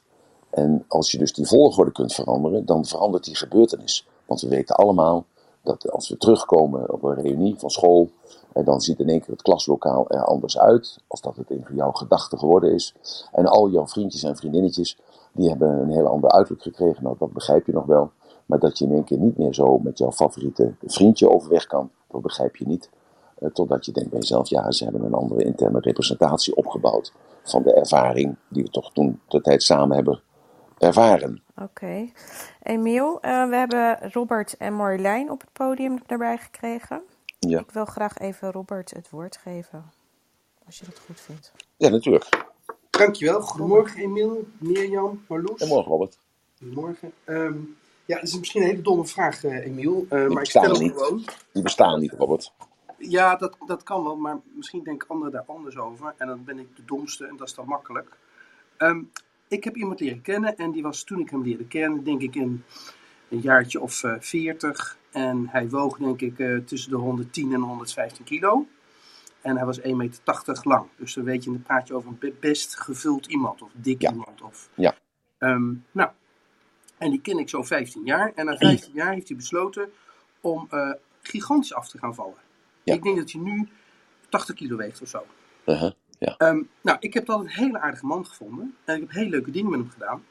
Eh, dus hij liep naast mij en eh, het is echt heel spontaan gegaan, het afvallen. Want we zagen elkaar een half jaar niet en ik zag hem en het was in één keer een heel dun mannetje. En toen vroeg ik aan hem, goh, was je niet tevreden over je uiterlijke verschijningsvorm? En hij kijkt me eens aan en zegt, waar heb je het over? Ik zei, nou ja, dat je zo afgevallen bent. En toen zei hij, nee, nee, nee, joh, ik was gewoon veel te dik. Nou, oké. En wij lopen zo door en eh, daarna doen we wat samen. En ik ben toen naar hem gaan kijken. Niet op body logic manier, maar gewoon eh, kijken naar hem. En toen dacht ik, vroeger vond ik, je te leuk, vond ik jou een leuke vent.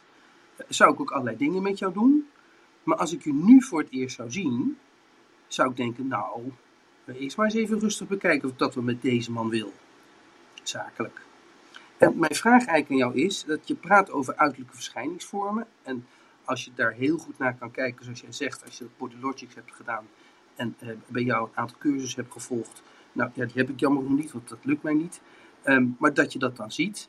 Maar dan nog kunnen mensen hun uiterlijke verschijningsvorm, bijvoorbeeld door heel sterk af te vallen, Ja. eh, dan heb ik het niet over chirurgische ingrepen, maar bijvoorbeeld door heel sterk af te vallen, veranderen. Ja. En, mijn, en mijn vraag aan jou is, ehm, op het moment dat je verandert, kan je de afstand tussen je oren en je neus niet veranderen, maar de vorm Ja. van je hoofd gaat wel van bol naar smal. bijvoorbeeld. Ja, de, om te beginnen is dat is, is zo, maar het karakter verandert niet, want zijn ware persoonlijkheid komt naar voren. En die vormen die zijn er altijd al geweest, alleen je bent afgeleid door het, de extremiteit. En je vertelt zelf, de man is 80 kilo afgevallen, dat is nogal wat. En eh, dus die extremiteit was, die, is die 80 kilo. En je kunt je voorstellen dat je voor die tijd ge, gefocust werd op dat geheel, wat vullend was voor het oog. Dat waren de ronde vormen. En die ronde vormen zorgen ervoor, onbewust, dat je aangetrokken wordt door die persoon. Want dat is het, het moederlijke, het, eh, het moederlijke, eh, de moederlijke vormen zijn de ronde vormen. En die ronde vormen laten zien dat je organen het meest ontwikkeld zijn. En die organen hebben dan de overhand gekregen. En die ronde vormen hebben een aantrekkingskracht op iedereen. dat, zijn, dat kun je ook zien, dat die aantrekkingskracht, dat kun je ook zien in, de, in mensen die die beroepen hebben, sociale beroepen of verzorgende beroepen hebben, die zijn overwegend rond. Dat wil niet zeggen dat ze uh, een rond gezicht moeten hebben, maar ze zijn overwegend rond. En dat, dat zorgt ervoor dat zij dat sociale gevoel hebben. Nu even terug naar jouw vraag. Uh, hoe kan dat dat jij dus eerst die man uh, zo interpreteerde en hij is veranderd. Maar de basis is niet veranderd. De vorm van de neus is niet veranderd. Dus daar zat gewoon ietsjes vet op of vlees op. Uh, zijn wangen waren iets uh, gevulder. Zijn handen waren iets uh, pofferiger. zijn buik was stak uit hè, in een bepaalde vorm. Dus dat was het geheel. Maar je kijkt daar altijd doorheen. Uh, we hadden vorige keer hadden we iemand die, nou ja, kijk naar mij. Ik ben bijvoorbeeld uh, best uh, corpulent. Ik weeg 115 kilo. Ik ben 1 meter, hoe groot ben ik? Ik ben 1 meter 90. dus ik heb overgewicht, zou je bijna zeggen. en toch kun jij de vormen in mijn hoofd kun je zien. En ondanks dat ik, ik ben eigenlijk voor het Chinezen ben ik 30 kilo te zwaar en voor de BMI berekeningen. Hier ben ik uh, geloof ik iets van 20 kilo te zwaar. En toch kun je die vormen kun je herkennen bij mij. Je ziet die rechte vormen en je ziet de, de ronde vormen en je ziet ook de eivormen bij mij. Dus je, je, je ziet het wel, maar je bent je er niet van bewust, omdat je je af laat leiden door de extremiteit. Dus dat doen ook heel veel mensen met hun kleding. Uh, om die aandacht, uh, om de, bijvoorbeeld het corpulente weg te halen, nemen ze brede schouders. En door die brede schouders valt die corpulentie weg. Of ze laten hun haar uh, iets meer groeien. Dan zie je niet dat het zo'n dikke kop is. Dus dat is het antwoord op de vraag. Dankjewel. Het karakter verandert niet. Het is een kwestie van kunnen zien dat onder die extremiteit de werkelijke vorm is. Want je zegt het zelf al, de ogen staan op dezelfde plek, de mond staat op dezelfde plek, de oren zijn ook dezelfde plek. En maar het lijkt, doordat het hoofd kleiner is geworden door minder vet afzet, lijkt het alsof de oren groter zijn geworden. Daarom lijken bij heel veel oudere mensen, omdat dus het, het, het gezicht krimpt als het ware, dat die oren groter worden. Maar als je dus de maatvoering hebt, dan blijkt gewoon dat die oren qua stand, want daar gaat het om, dat de stand waar ze is, horen te staan, dat is dus op de lijn van het midden van het oog en op de lijn van de mondhoek. Daar moet dus dan wat de gulden snede betreft, de, de oorimplant zijn, blijkt dat de oorimplant gelijk blijft. Die blijft gelijk. Dus de afstand blijft gelijk. Ja. En Maar- het lijkt alsof het oor, dus het vlees wat eraan hangt, de schelpvorm, dat die groter wordt. Maar dat komt omdat je het verhouding neem je met het hoofd. In plaats van dat je het met de maat neemt. Ja, maar Emiel, als ik nou tegenover iemand zit, als ik nou, bij dezelfde mannen, ik zit nu tegenover hem en ik denk eigenlijk bij mezelf, ehm, nou, ik zou bij wijze van spreken, ik praat wel met hem, want ik ken hem natuurlijk Ja. al jaren. Ja. Maar, maar eigenlijk is hij zo anders dat ik ben bezig om helemaal op een nieuwe manier te oriënteren op wie hij nou eigenlijk is. Klopt, begrijp ik. Ja, terwijl ik eigenlijk van mezelf best wel vind dat ik behoorlijk kijk heb op mensen. Ja. Mijn, mijn, mijn vraag is nu, ehm, je kan natuurlijk heel goed kijken naar iemand, Ja. maar de gulden sneden en, en de lijntjes trekken, hoe Ja. doe je dat dan als je tegenover iemand zit? Eh, als je dat eh, gewoon, je hebt geoefend met je vrouw, je hebt geoefend met je kinderen, je hebt geoefend met de buurman, je hebt geoefend met een vriend, eh, je hebt daar een keer een gesprek over gevoerd, je neemt de maten van mensen, je neemt de maten van jezelf voor de spiegel, dan ga je dat vanzelf zien. Dat is hetzelfde als dat je een boek leest en dat boek geeft een openbaring.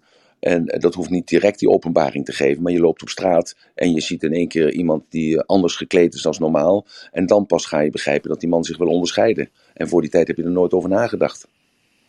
Dat is wat je leert ook in het seminar, Robert. De, de, de, hoe, je dat, hoe je dat kan meten en kijken, dat leer je daar en dan kan je het gaan toepassen.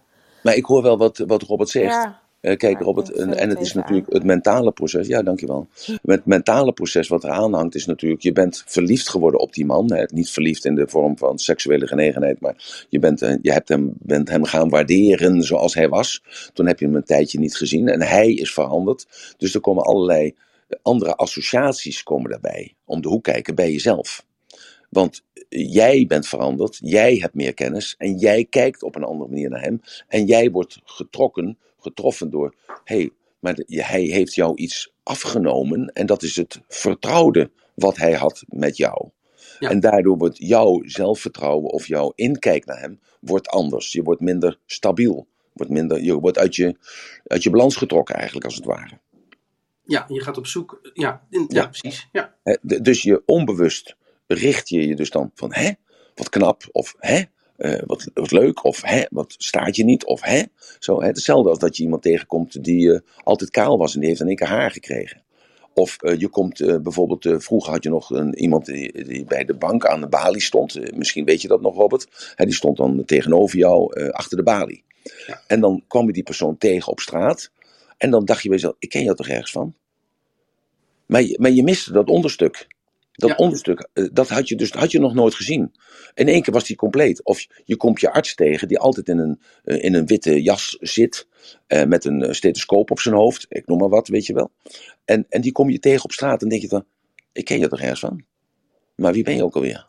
En dan ben je twee straten verder en zeg je, oh dat is mijn arts. Maar ja, je komt maar één keer in de vier jaar bij de arts. Dus ja, zo. Dus, dus, het, het, dus je, je hebt een schrik-effect eigenlijk, als het ware, dat als iemand in één keer anders is. Ik heb een keer een vriendje gehad, die was makelaar, eh, de beste makelaar van Arnhem en omstreken.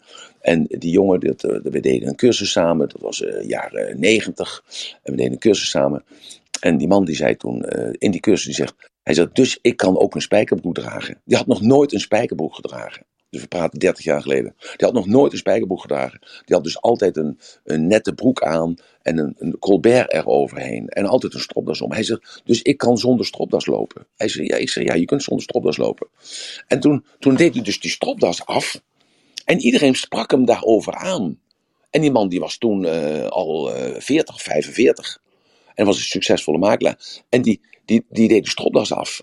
En die deed dat Colbert uit. En die kocht een trui. Die had helemaal een trui, in de trui aan. En die deed een spijkerbroek aan. En het werd een andere persoonlijkheid voor mensen. Dus hetzelfde verhaal. Ja. Ja. En, en daardoor veranderde ook zijn attitude. Ja, begrijp ik. Ik vind het heel jammer dat ik er niet bij kan zijn. Want ik denk dat het niet alleen voor coaches, en, maar vooral ook voor managers uh, heel belangrijk is. Hè, ook als je in human resources zit, om mensen in te kunnen schatten en te kunnen lezen op Body Logics. Ja. Uh, ik, ik kan die komen, vind ik ontzettend jammer, Emiel. Maar ik, Ja. uh, ik kan me heel goed voorstellen dat het voor veel meer mensen um, heel nuttig kan zijn om naar jouw eh, cursus te komen. Omdat je daarmee gewoon een veel betere kijk krijgt. Niet alleen op jezelf, maar ook op de mensen in je omgeving. Maar ook met de mensen met wie je moet werken. Ja, en, en dankjewel voor, voor dit. Ja, sorry dat je niet kan komen, dat is ook heel vervelend. Uh, maar ik gebruik het dagelijks. en, en doordat ik het dagelijks gebruik, ik kan wel zeggen dat, dat mijn communicatie gewoon een, uh, ja, veel, uh, veel verbeterd heeft. Omdat ik een veel beter invoelingsvermogen heb gekregen. En daardoor kan ik ook mensen vergeven. Want ik begrijp dat zij vanuit hun, interactie, vanuit hun uh, interne samenleving, interne representatie. Zo hebben geoordeeld over mij of over iets waar ik het absoluut mee oneens ben. Dus ik, ik heb nu dat, uh, nou ja, ik kan het niet vertellen over dat conflict wat ik heb met mijn zoon. Maar dat begrijp ik, want ik, ken die structuren in zijn gezicht. Ik herken dat van mijzelf. Hè? Dus, uh, en hij is totaal anders dan ik, maar ik herken dat fanatisme wat hij heeft. Dat herken ik in zijn structuur. Dus hij heeft geen keus. Hij moet dat ook doen voor zichzelf. En daarom, hij heeft afstand van mij genomen. Maar hij is nog steeds in mijn hart. En ik stuur hem dan één keer in de maand of één keer in de twee, drie maanden stuur ik hem een appje. Van uh, ik hou nog gewoon van je zoals je bent. En, nou, en dan hoop ik dus dat daar uh, een bepaalde zachtheid weer naar voren komt. Waardoor hij dan ook weer die toenadering kan accepteren. Maar dus die body logic helpt mij daar giga mee. Dus het, het, ja, het, het, pla het, plaatsen van de ander, zijn, niet zijn onvermogen, maar van zijn doen en laten. Ja, weet je, Emiel, um, ik um, zit in meerdere besturen en een van die besturen is uitgeval, uit elkaar gevallen. Het hele bestuur is uit elkaar gevallen, eigenlijk door de voorzitter. Ja. En uh, nou goed, op een gegeven moment ben ik met die voorzitter maar gaan praten, want ik denk, ja, dit gaat helemaal niet goed. En um, toen kwam ik op een gegeven moment achter dat ik bij mezelf dacht, ja, maar weet je, zijn referentiekader is nog zo smal. Hij heeft nog zo weinig meegemaakt eigenlijk. Ja. Um, dus hij kan ook niet, in dit geval ging het over loyaliteit, hè, trouw zijn naar zijn medebestuurders. Ja. Dat kan hij niet, dat zit er gewoon niet in. Zit er niet in. Ja, ja, en, het aardige van die gedachte, wat het bracht, en dat, volgens mij werkt dat met Body Logics ook zo, is dat iemand doet dan iets misschien heel vervelends, misschien ook wel heel naars naar jou persoonlijk of naar je omgeving. Ja. En doordat je hem dan kan lezen, ga je de schuld of de opzetvraag wegleggen. Dus je kan zeggen, ja, hij, hij doet het niet met opzet. Juist. En, hij- en er is ook geen schuld, want hij, hij kan niet anders eigenlijk. Juist, ja. Nou, dat is toch een hele mooie, als je die gedachtesprong kan maken, dan Ja, kom je zelf. Ja, maar want dat- dan, kom je, dan hoef je niet toe te komen aan vergeving, maar dan kan je Ja. zeggen, joh, ik, ik ga naar hem toe, want ik, ik geef om hem of haar. Dus ik ga met hem zitten en zeggen, joh, heb je er wel eens op die manier naar gekeken? Ja. Ja. En- en kijk. En nou, en nou even heel praktisch. Nou ga je verhuizen. En nou eh, staan er twee kerels, die eh, zijn jouw vriendjes. En dat is Mark Rutte en dat is Emil Ratelband. En je gaat verhuizen. En je hebt iemand nodig die 50 dozen van boven naar beneden moet sjouwen en in de auto moet zetten. En de een heeft de bouw van Ratelband en de ander heeft de bouw van Mark Rutte. Wie vraag jij dan? Ja, dat vraag ik jou natuurlijk. Waarom vraag je mij? Nou, meteen lijkt me dat heel erg gezellig. Ja. heb twee, het gaat mij helemaal niet om of we die vuistdozen boven krijgen of beneden krijgen. Maar dan gaat het vooral om, om het allerbelangrijkste wat mij betreft in het leven. En eh, dat heeft ook te maken met Body Logics. En dat is eh, dat je gezelligheid niet kan kopen. Nee, Dus daar gaat het even niet om. Het gaat Nee, dat even om, dat- dat praktisch ik. gezien, die 50. Wie denk je nou, wie, praktisch gezien, die sneller die 50 dozen naar beneden kunnen brengen? Mark Rutte, iemand met de bal van Mark Rutte of iemand met de bal van Ratelband? Nee, dat ben jij. Nou ja, goed, nou, dan zijn we er toch. Dus dat doe je mentaal ook. Ja. Zo, Ja. Dus ment- mentaal doe je dat precies hetzelfde. Dus eh, eh, waarom neemt iemand een klein hondje, waarom neemt iemand een grote hond? Dus waar- waarom zie je mensen lopen met een pitbull? Zo, waarom nemen de mensen een pitbull of een Duitse herder of een chi- chihuahua of hoe heet zo'n beest? Zo'n eh, kunstmatige rat. Ja. Zo, hè? hoe, hoe is zo'n beest? Een, eh, een, een chihuahua? Een chihuahua, een chihuahua. En je hebt tegenwoordig ook chihuahuas met haar. Dus waarom kiest iemand voor een poedel? Of waarom kiest iemand voor een Duitse herder? Dat zegt alles over wie hij is. En, en eh, als je gelukkig getrouwd bent, dan ga je ook op elkaar lijken. Dus dat is dat zogenaamde unisex. Je gaat op elkaar lijken. Dat wil niet zeggen dat die oren veranderen of dat die neus kleiner of groter wordt. Nee, er is een bepaalde, een bepaalde energetische staat. Eh, Mensen zeggen, gisteren zei iemand tegen mij: Ja, maar je, ik weet dat je ouder bent dan 52, maar je ziet er echt uit als 45. Maar dat is niet mijn uiterlijk, dat is mijn energetische staat. Mijn doen en laten, mijn, mijn expressie in mijn gezicht, mijn bewegingen, eh, non-verbaal. Het eh, gewoon even door de knieën heen zakken en omhoog veren en zo. Dus dat, is het, dat maakt het mij jonger dan iemand normaal eh, of een, gewoon een echte fan van 72. En dat zie je om je heen gebeuren. Dus het energetisch lichaam wordt steeds jonger van mensen om je heen. Kijk maar, vergelijk het maar met opa en oma. Is ook body logic. Ja, dankjewel. Oké Robert, jij dankjewel voor de aanvulling. Dankjewel. Dankjewel, Robert. Eh Marjolein, jij was ook naar het podium. Ja, ehm, nou, ik volg je natuurlijk al heel lang in beeld, weet je. Ik heb ook je boek, Body, Logic. Het een heel mooi boek, eh, trouwens. Ja, het kwam er lekker uit. Eh, heel mooi boek. Best een duur boek om te drukken. Dus ik denk dat het heel fijn is om het fysiek te hebben. Ehm, nou, ik kom er niet aan uit wat mezelf betreft. Ik heb ook heel veel mensen laten kijken. En dat zit hem voornamelijk in mijn kin. Ik ben eh, rond van boven ovaal. Maar Ja. mijn kin zit een kuiltje in. Ik heb een kuiltje Ja. in mijn kin. En die is wat rechter, maar ook een beetje ovaal. Die kin, het gaatje in de kin is het eh, opperste punt van schoonheid. Ik weet niet of jij Kirk Douglas kent. Ja. Dat was een, een icoon in de jaren 50, 60. Het is de vader van Michael Douglas. Eh, de, Kirk Douglas had een, ga, eh, had een kuiltje in zijn kin. Zo, dus dat is het, het opperste eh, schoonheidsideaal. Zo, dat, Nou. is eerst, dat wil ik eerst even gezegd hebben. En dat zegt alles over je karakter. Hè, dus dat opperste schoonheid laat zien de wilskracht die je hebt. Maar ook dat je de, wat je, de wilskracht, datgene wat je wil, dat je dat om kunt zetten in de praktijk. Je bent een heel, eh, eh, dus een, een mens, dat is je gegeven. Eh, dat kun je dus daardoor zien. Dat je dus die, die transformatie kunt zetten van geest naar stof.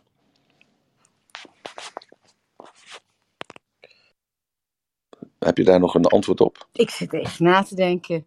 Ehm, ja, ik had echt wel gekomen hoor. Wat ik jou vorige keer ook al zei op 11 september. Maar ik ben uitgenodigd door een van mijn beste klanten in Zwitserland. Nee, maar dan hoef je niet te. Dat is, eh, dat is oké. Ja. Nee, maar maar Ja. ik wa- was even, eh, ik, ik was even met mijn gedachten bij dat kuiltje. En toen vertelde je wat de vorm was van je kin. Ja. Wat is de vorm? Oh, ik heb net mijn foto Ovaal. beetje ge, ge, ehm, meer beet. Als je hem zeg maar ehm, ververst, dan zie je mijn foto beter. Maar ik heb dus een ovale, een beetje rechte kin eh, met een kuiltje erin. Nou, en die kan ik dus niet in jouw boek terugvinden. Nee, maar dat heb je nog net verteld. Wat, dus Ja. die, eh, wat Ja. dat kuiltje betekent. En dan ja. Ja. dat ovale, dan is de kwestie van: is dat, eh, is dat echt geprofileerd ovaal? Of is dat vaag ovaal?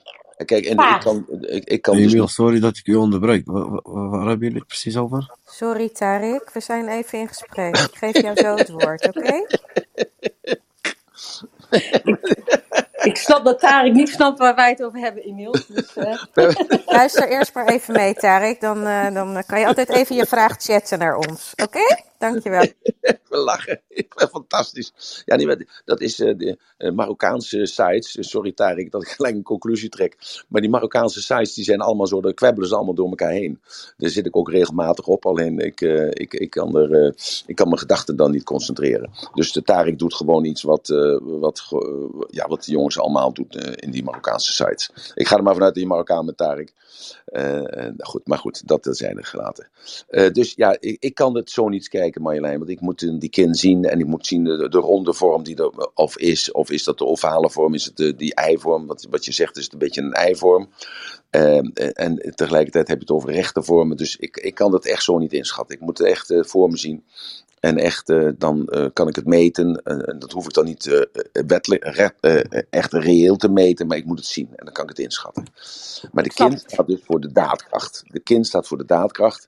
En even heel snel is het zo dat als je een rechte kin hebt, dan is dat een teken dat je dus aanpakt. Zo, dus dan pak je aan. Heb je een ronde kin, dan ben je meer sociaal aanpakkerig. Dus dat is het mentale iets, dat is het voorzichtige iets, dat is het liefhebbende iets, dat is het romantische iets. Dus dan pak je op een andere manier aan. En je hebt dus de eivormige kin, dan ben je niet in staat om aan te pakken. Dan heb je, zit je elke keer op het eh, traject van uitstellen, eh, iemand anders voor de kar spannen. Dan ben je, kun je goed in het delegeren zijn als je dat op jonge leeftijd al begrepen hebt. Dat je zelf dus dat niet aan kunt pakken en door kunt zetten.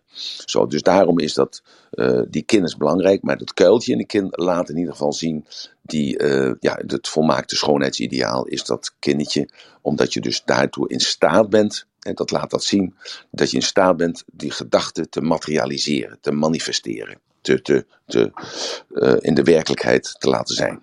Emiel, Dat laat het. ik kreeg zojuist een vraag via de chat ehm, over het boek. En eh, ja, in het boek worden eigenlijk drie vormen eh, uitgelegd. De, de Ja. basis en dan wordt ook eigenlijk de groei van het kindje in jou, de voeding besproken die een moeder eet. Kun je daar nog iets meer over vertellen? En dan is eigenlijk dat de basis en dan krijg je bij het seminar echt de verdieping. Ja.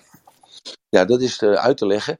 We weten allemaal, dat is wetenschappelijk ook bewezen, dat als een moeder rookt tijdens de zwangerschap, eh, zijn de kindjes die daar in de baarmoeder zitten, worden kleiner. Zo, dat is een, eh, zo, zo weten we dus ook dat bepaalde voedingsstoffen ervoor zorgen dat daar, eh, dat chemisch, want het is een, gewoon een heel chemisch proces, dat dat chemisch proces beïnvloed wordt. Dus door een eh, positief of negatief. En als iemand stress heeft, dan weten we ook dat daar allerlei chemische preparaten, de, als zondaad adrenaline en een overdaad van adrenaline, of juist cortisol, of nou, het, oestrogeen en noem het allemaal maar op, dat daar allemaal die processen eh, gebeuren. Die gebeuren in het lichaam van de moeder, maar alles wat er gebeurt in het lichaam van de moeder, dat gebeurt ook in het lichaampje van de foetus of van het eh, nog niet geboren babytje, van het kindje. Zo, en eh, als je kijkt naar de ontwikkeling van de foetus, dan is het zo dat de eerste zeven dagen, dan gebeurt er schijnbaar niks, maar dan gebeurt er echt heel veel. Dan is dus dat papa en dat mama celletje komen bij elkaar en die versmelten tot één cel. En dat is in de eerste zeven, de eerste zeven dagen gebeurt dat. En dan, als dat één cel is, dan van daaruit gaat dat dus, wordt het er twee, en die twee wordt er vier, en die vier wordt er zestien. En die 16 wordt er nou, dan weer 16 keer 16, dan reken het maar uit. En dat gaat zo door. Maar dan zijn er dus drie, eh, drie eh, tijdselementen die er zijn. Dus dat is eerst de eerste zeven dagen dat je schijnbaar nog niets merkt. Eh, en ook wel, vrouwen zijn er wel die wel merken, die de volgende dag opstaan en misselijk zijn en dergelijke. Dus dat, dan gebeurt er dus al iets. Maar dat is dus een soort ehm, zich, zich eh, een plaats verwerven in die baarmoeder. Dus het, het, het vastklikken aan die baarmoeder. En dan gebeurt de eerste 21 dagen, dan wordt de, de basis gelegd voor het zenuwgestel. En dan eigenlijk, de meeste vrouwen weten nog niet dat ze dan moeder gaan worden. Maar juist die eerste 21 dagen, dus na die 7 dagen, de eerste 21 dagen, die zijn heel belangrijk. Want dan wordt dus het fundament gezet voor het, het, het zenuwgestel. En tegelijkertijd wordt de vorm bepaald van de bovenkant van het hoofd. Zo, dus dat, want het is niet zo dat, dat het hoofd gelijk rond is en dan vanuit het ronde wordt het steeds groter rond. Nee, eerst ontstaat de bovenkant van het hoofd. Met andere woorden, dus terwijl dus het fundament gelegd wordt van het zenuwgestel, vindt plaats de bovenkant van het hoofd.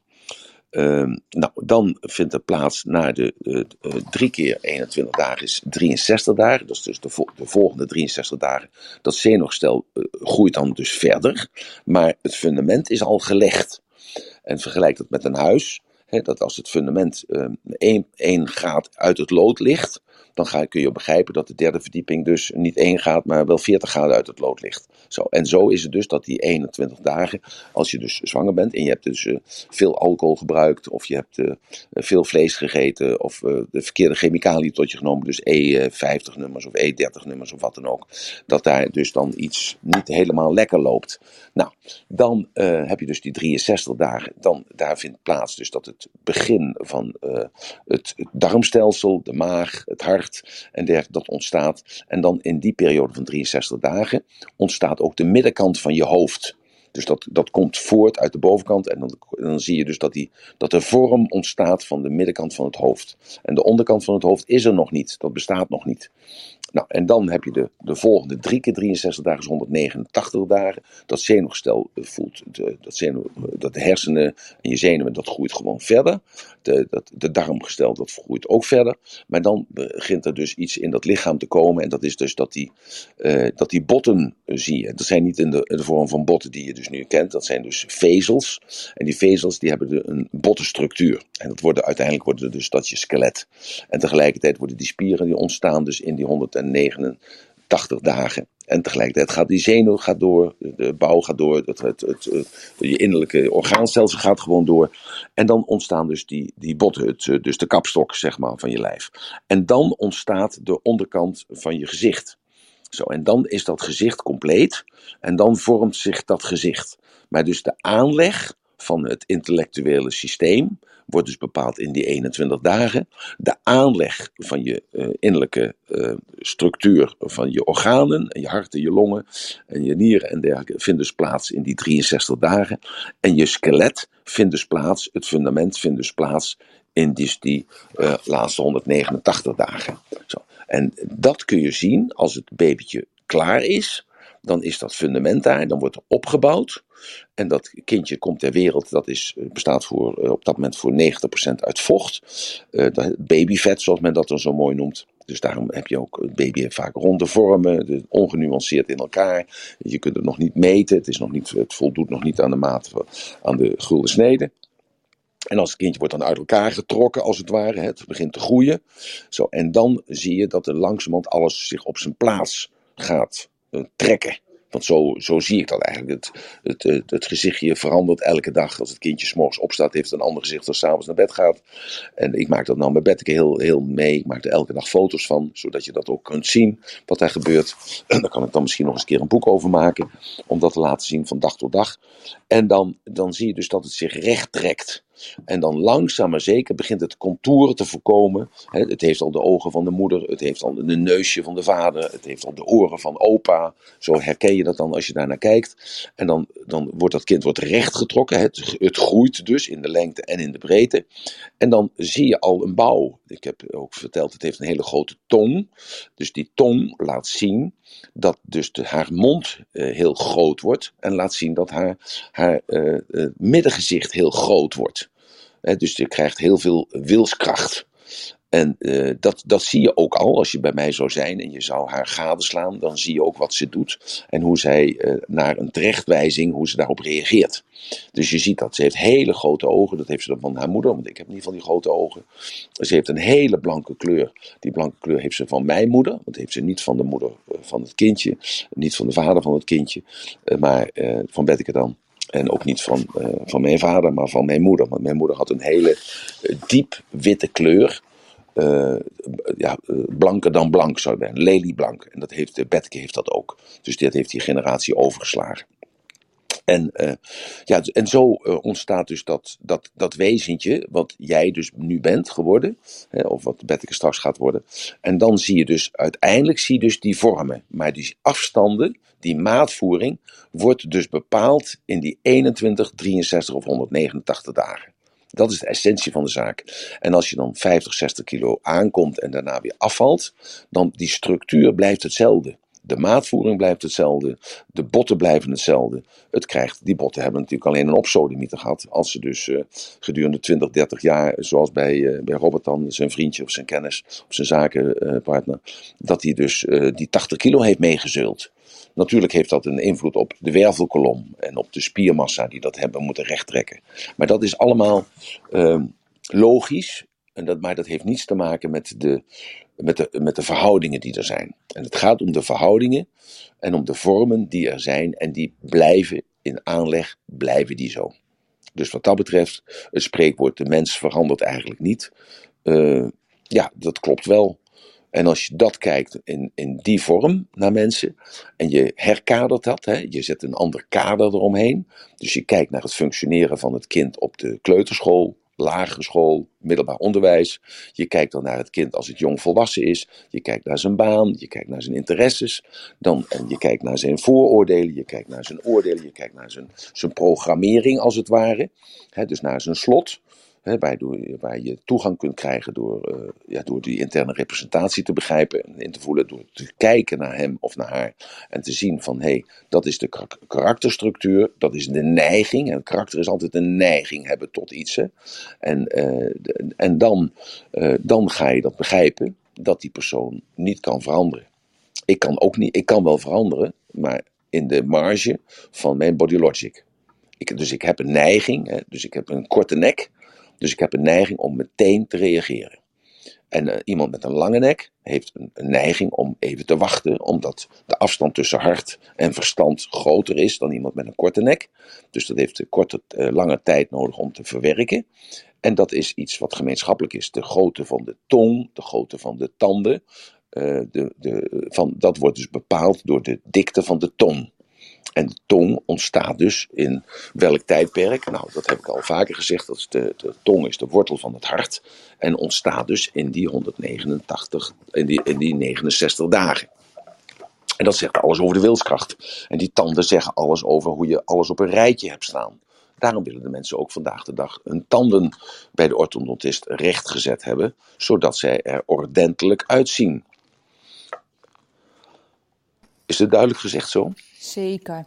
En uh, ze zei al van, uh, ik ga het boek bestellen, het is super interessant. Maar um, als je je opgeeft voor de nieuwsbrief, dan krijg je zelfs het e-book gratis toegestuurd over twee weken. Nee, over twee ja. dagen. We hebben een nieuwe mailing, gaat er over twee dagen uit. Dus um, schrijf je in voor de nieuwsbrief, dan krijg je in ieder geval op de site, dan krijg je in ieder geval het e-book van Body Logics alvast uh, cadeau. Mooi.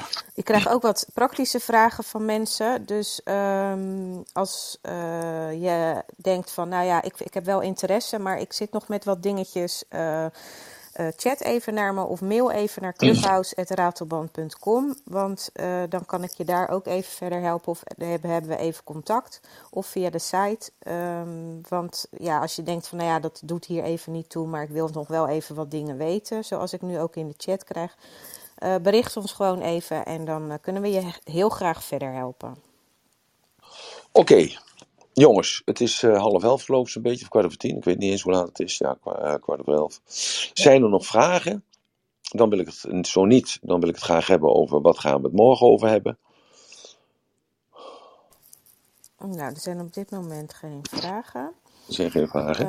Um, Dus eh, jullie kunnen het onderwerp zeggen. Of je kan zeggen, ik doe het spontaan morgen. Of eh, misschien heb je zelf iets waar je het nog over wil hebben, Emiel. Of zit er nog iemand in de chat die misschien nog iets aan wil vullen? Ehm, oh, bij mij niet. Nee, oké, Ehm, goed. Ja, Petra wilde nog wel even zeggen hoe ze het eh, had beleefd de laatste keer, maar ze moest weg, dus ze kon het nu niet eh, vertellen. Oké. Dus dat doet ze eh, van de week, als we het misschien dat we het nog een keer even over Body Logic hebben Mhm. van de week. Want ehm, tot en met 5 september kan je inschrijven. Maar goed, het gaat nu wat harder en we hebben natuurlijk maar beperkte plek. Dus, Ja. ehm, dus we gaan het van de week er ook nog wel even over hebben. En misschien dat Petra dan ook haar visie of wat ze ervan heeft geleerd Oké. kan vertellen. Oké. Nou, dan eh, Ehm, onderwerp fijn. morgen. onderwerp voor morgen. Robert, Marjolein, jullie zitten in het podium, dus jullie hebben, kunnen het eh, bepalen. Dus dat is leuk en mooi. Dus er zal zeer zeker iets zijn wat jullie interesseer- interesseert of intrigeert. Waarvan je misschien zou willen hebben dat ik daar iets over zou vertellen. En als dat niet het geval is, dan is dat ook goed. Dan eh, zullen we dan morgen iets doen. eh, dat had ik gisteren ook al, maar toen kwamen jullie bij van we kunnen toch iets anders doen. Marjolein. Nou, ik was toevallig net in jouw eh, boek aan het bladeren. Ik, wat ik heel intrigerend vind, inderdaad, dat je, ik vind het geweldig dat je mensen kunt gaan lezen. Ik geloof inderdaad voor verkopers dat dit echt een zegen is. Ehm, ik zat toevallig net te kijken naar iemand die me behoorlijk heeft gepakt, ehm, opgelicht. ja, ik kan die aardige zeggen. Dus ik zat even te kijken, kan ik dat terugzien in die vormen? En ik, ik denk dat je inderdaad heel veel ellende kan voorkomen door mensen beter in te gaan schatten. Dat was mijn conclusie eigenlijk. Dus Nou dat ja, vind ik wel dat is interessant. natuurlijk ook zo. Ja, maar dat is natuurlijk ook zo. Maar goed, met, eh, heeft dat iets met te maken met het onderwerp van morgen? Of Dat je misschien wel op kan, ja, misschien kan letten op bepaalde, eh, ja, nou ga je mensen wel echt natuurlijk beoordelen. Dat vind ik wel een lastige. Maar dat je in ieder geval wel bepaalde kenmerken, eh, ja, als je daarop gaat letten, dat je in ieder geval wel weet wat voor vlees heb ik in de kuip. Die Nou ja, ik kreeg gisteren een, interessant. eh, een foto van een vriendje van mij. En eh, een foto van een hele aantrekkelijke dame. En toen zegt hij tegen mij van, of hij vroeg aan mij van, eh, kun je even je body logic daarop loslaten? En toen stelde ik hem de volgende vraag, is het haar echt? Want ze had hele mooie krullen. En toen zei hij, nee, dat, volgens mij is dat gemaakt. Ik zeg, is ze van nature blond of is ze dat gemaakt? Hij zegt, ja, volgens mij is dat ook geblondeerd. Ehm, ik zeg, eh, ik kijk naar die mond, ik zeg naar die venusheuvel die daar is, de amobogen, sorry, amobogen. En ehm, toen zegt hij, ja, volgens mij is ze wel ingespoten met, eh, met, iets, met iets. Eh, volgens mij is het niet helemaal natuurlijk. Ik zeg, oké. Ik zeg, ik, ik kijk naar haar rechteroog. Zie jij haar rechteroog? Hij zegt, ja. Ik zeg, wat zie je daarin? Hij zegt, ja, dat, klopt iets niet. Ik zeg, precies. Ik zeg, dus wat denk jij nou? Ja, zegt, eh, ze, ze speelt komedie, want ze doet zich voor als iemand anders. Alleen haar rechteroog staart af van de andere kant. Ik zeg, weet je waar het rechteroog voor staat? Toen zegt hij, ja. Ik zeg, waar staat het dan voor? Hij zegt, eh, voor de ratio, hoe zij eh, vooruit kijkt, juist. En waar kijkt zij naar? Hij zegt, ja, hij zegt, ik zie het. En toen hij zag dus de beredenering en de berekening en het, eh het kouwen zag hij in het rechte oog, terwijl juist de opgespo opgespoten ronde vormen en het, eh, de krullen juist de ronde vormen accentueren. En dat is onschuld, moederlijkheid en dat is aantrekkingskracht. En dat rechteroog, wat dus naar rechts gezakt was, dat verraadde haar. Oh, wauw, ik Begrijp je bedoel, dat? eigenlijk Begrijp je dat? beschrijf je gewoon die dame die ik bedoel. Dus Nou ja. ah, van origine niet blond, maar donker. Wel krullen, dat geeft Nou, iets, Ja, maar dat zacht. wist ik, eh, eh, nou, ik, voor mij is dat niet dezelfde, want, maar Nee. goed, dat weet ik ook niet natuurlijk. Maar goed, dus, niet. dus er is één ding, en dat is dan echt gebleven. Hè, dat waren haar ogen. En ja, daarin kon je dat dus lezen. Zo, dus, maar goed, dan kun je ook zeggen, ja, dat is wel heel snel door de bocht. Want je kunt ook zeggen, in het zaken doen kun je denken van ja, maar luister, ze speelt comedie, dus ze, ze is heel aantrekkelijk. Seks zelfs natuurlijk. En eh, dat blijft gewoon altijd zo. Een leuke, leuke man of een knappe man of een leuke of een knappe vrouw, die verkoopt altijd beter dan een eh, lelijke persoon. En dat is natuurlijk al bewezen, omdat dat, eh, ja, daar hebben we net met Robert over gehad. Die eerste indruk is eh, gewoon associatief, is dat gewoon, eh, je voelt je daar lekker bij, omdat je kijkt naar iets wat symmetrisch is. Dus je voelt je daar meer op je gemak. Maar dat, dat kleine dingetje krijgt dan een veel grotere betekenis, omdat dat andere kunstmatig is. Dus iemand met kunststanden, kunstlippen, kunstoren, kunsthaar. eh, ja, wat kun je nog meer kunstachtig maken? Eh, je mond, eh, je, je, ja, je inzet. Ja, dat, dat geeft ook een, iets onnatuurlijks.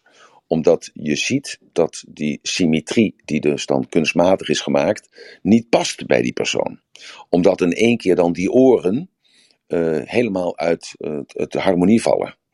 Of, of je ziet dus die ogen die dan op dat moment helemaal een onnatuurlijke houding krijgen omdat, uh, zoals Robert Schumacher dat de vorige keer zo mooi liet zien, dat hij de guldensnede ook gebruikt op dat kleine stukje waar die man of die vrouw voelt of vindt dat zij daar niet compleet is. En hij gebruikt dus dan de guldensnede op meerdere plekjes. Zodat het geheel ook voldoet aan de guldensnede. En dan toch kunnen de cosmetische artsen bepaalde zaken niet doen. He, ze kunnen die neus weer herstellen. Ik heb laatst nog daar iets over verteld over die nieuwe vriendin van, uh, van Dre Hazes. Dat heeft nog in de story gestaan en dergelijke. Vergeleken met Monique. Uh, hoe heet ze ook weer? Die vriendin van uh, Dre, André Hazes. Sarah, de, de, Sarah van Soelen. Ja, Sarah, ja, ja. Heb ik een beschrijving gegeven wat haar karakter is. En naar aanleiding van dat alles nep aan haar is. Tot en met de kont is ingespoten en de borsten zijn ingespoten. Dus wie is zij dan? Zo, daar heb ik een verhandeling over gegeven. Dat, uh, een story van, uh, geloof ik, een week of uh, zes geleden of zo. Stond het daarin. En dat, dat had die interviewer dat weer helemaal uit zijn verband getrokken. door te zeggen dat Ratelband was verliefd op Monique. Ja, dat heb ik natuurlijk helemaal niet gezegd. dus ik had alleen gezegd van. nou, dat is een. een, een zij is een. ook zij heeft heel veel ronde vormen, alleen die zijn merendeel echt. Ze, zijn, ingespoten op twee plekken. Maar ze is merendeel echt, hè? dus origineel. Maar zij heeft wel een gezond verstand. Dat kun je zien aan, uh, nou ja, maakt niet uit. Dat zie je dus en dat heeft Dreef vooral nodig. Want anders wordt hij een, uh, is hij een verwend kind. En gaat hij, als een verwend jong kind, gaat hij tekeer. En is zijn carrière ten einde. Dat, dat heb ik erin gezegd. Nou, Oké, okay, als er geen vragen zijn en er is geen onderwerp voor morgen, dan stel ik voor dat we morgen spontaan doen. Yes. Zijn jullie daar? Ja, leuk. En kan morgen iedereen datgene doen wat uh, vragen wat hij vindt. Uh, Tarik, is die nog teruggekomen of is die verdwenen? Of is die, uh, hebben jullie die geëlimineerd? Uh, die is uh, naar beneden verplaatst en ik, hij, vond, ik, hij zette in de chat bij mij dat hij het een beetje zwak vond. Maar goed. Oh, ja. en hij heeft het opgenomen. Alles oh, heeft hij okay. al geschreven naar mij. Oh, oké. Okay. Nou, helemaal goed. Links laten liggen. Maar Michel die is nog op de valreep op, de, op het podium gekomen. Maar Michel, alleen als je echt een onderwerp hebt voor morgen. Anders mag je de vraag morgen stellen in spont. Ik wilde alleen maar het e-mailadres nog een keer horen. Heel goed. Dus je gaat nu geen antwoord geven, zeker? Ja, daarop wel. Vooruit. Het, ik ga zo nog even wat, de, wat praktische zaken noemen hoor. Als Emiel zijn ratelbandje heeft gegeven. Dus blijf nog even hangen. Dan, uh, dan okay, stel ik jullie even op de hoogte. Maar het, het e-mailadres is clubhouse.ratelband.com clubhouse.ratelband.com En ik zal zo nog even wat dingen over het seminar vertellen. En um, Emiel, jij mag nu je ratelbandje doen. Ja. En, dan kan jij weer verder en dan uh, nou, ja. wij het af. Weer verder. Het is net alsof het een uh, opgedragen stukje is, maar dat is dat. Nee, verder met je dag nee, nee, nee. ik. Ja, ja. Nee, goed, oké. Okay. Uh, ja, ik zat te denken, ik zal een, een ratelbandje maken over, het, uh, over Body Logic. Ik denk dat niet eigenlijk. Ik krijg iets in mijzelf door over wat het, dat vandaag is, de zaterdag. En zaterdag is voor heel veel mensen een rustdag, of een ontspanningsdag, of een recreatieve dag. En ik zou echt graag willen vragen om uh, om even stil te staan, gewoon waar je dankbaar voor mag zijn. Voor alles wat je meemaakt, voor wie je bent, voor wie je bent geworden, de weg waar je op loopt. Hè? Dus dat is dan de, de spirituele weg of de mentale weg, de ontwikkelingsweg. En dat je daar even bij stil bij staat en even kijkt naar de hemel en even kijkt naar mensen om je heen. En even kijkt naar het gebouw wat je net verlaten hebt of dat je daarin zit. En dat je even denkt bij jezelf, ja wat mooi is het toch allemaal. Dat ik een onderdeel mag zijn van een groter geheel. En dat grote geheel is, dat grote geheel is zo mooi, is zo onbegrijpelijk dat ik dat kan accepteren, dat ik daarvan ben. En dat ik daar dan eigenlijk een persoon of een mens van uitgeworden ben die ik ben en dat ik daar dankbaar voor mag zijn. Dat al datgene wat ik meegemaakt heeft, dat me dat gevormd heeft. En al datgene wat mijn moeder heeft gedaan en mijn vader heeft gedaan, dat, dat mij dat gevormd heeft. En al datgene wat mijn opa en oma en overgrootouders hebben gedaan, dat me dat gevormd heeft. En dat ik daar dankbaar voor mag zijn, zoals ik nu ben op dit moment. En dat denk ik dat dat een mooi ratelbandje is voor deze zaterdag. Want de meeste mensen hebben daar nu dan even de tijd voor om dat even te doen bij zichzelf. Wees dankbaar voor al datgene wat je krijgt. Want alles krijg je. Je krijgt het van het universum. En jij mag dat zo maken zoals jij wilt. Want een toeval bestaat er niet. Iets valt jou toe.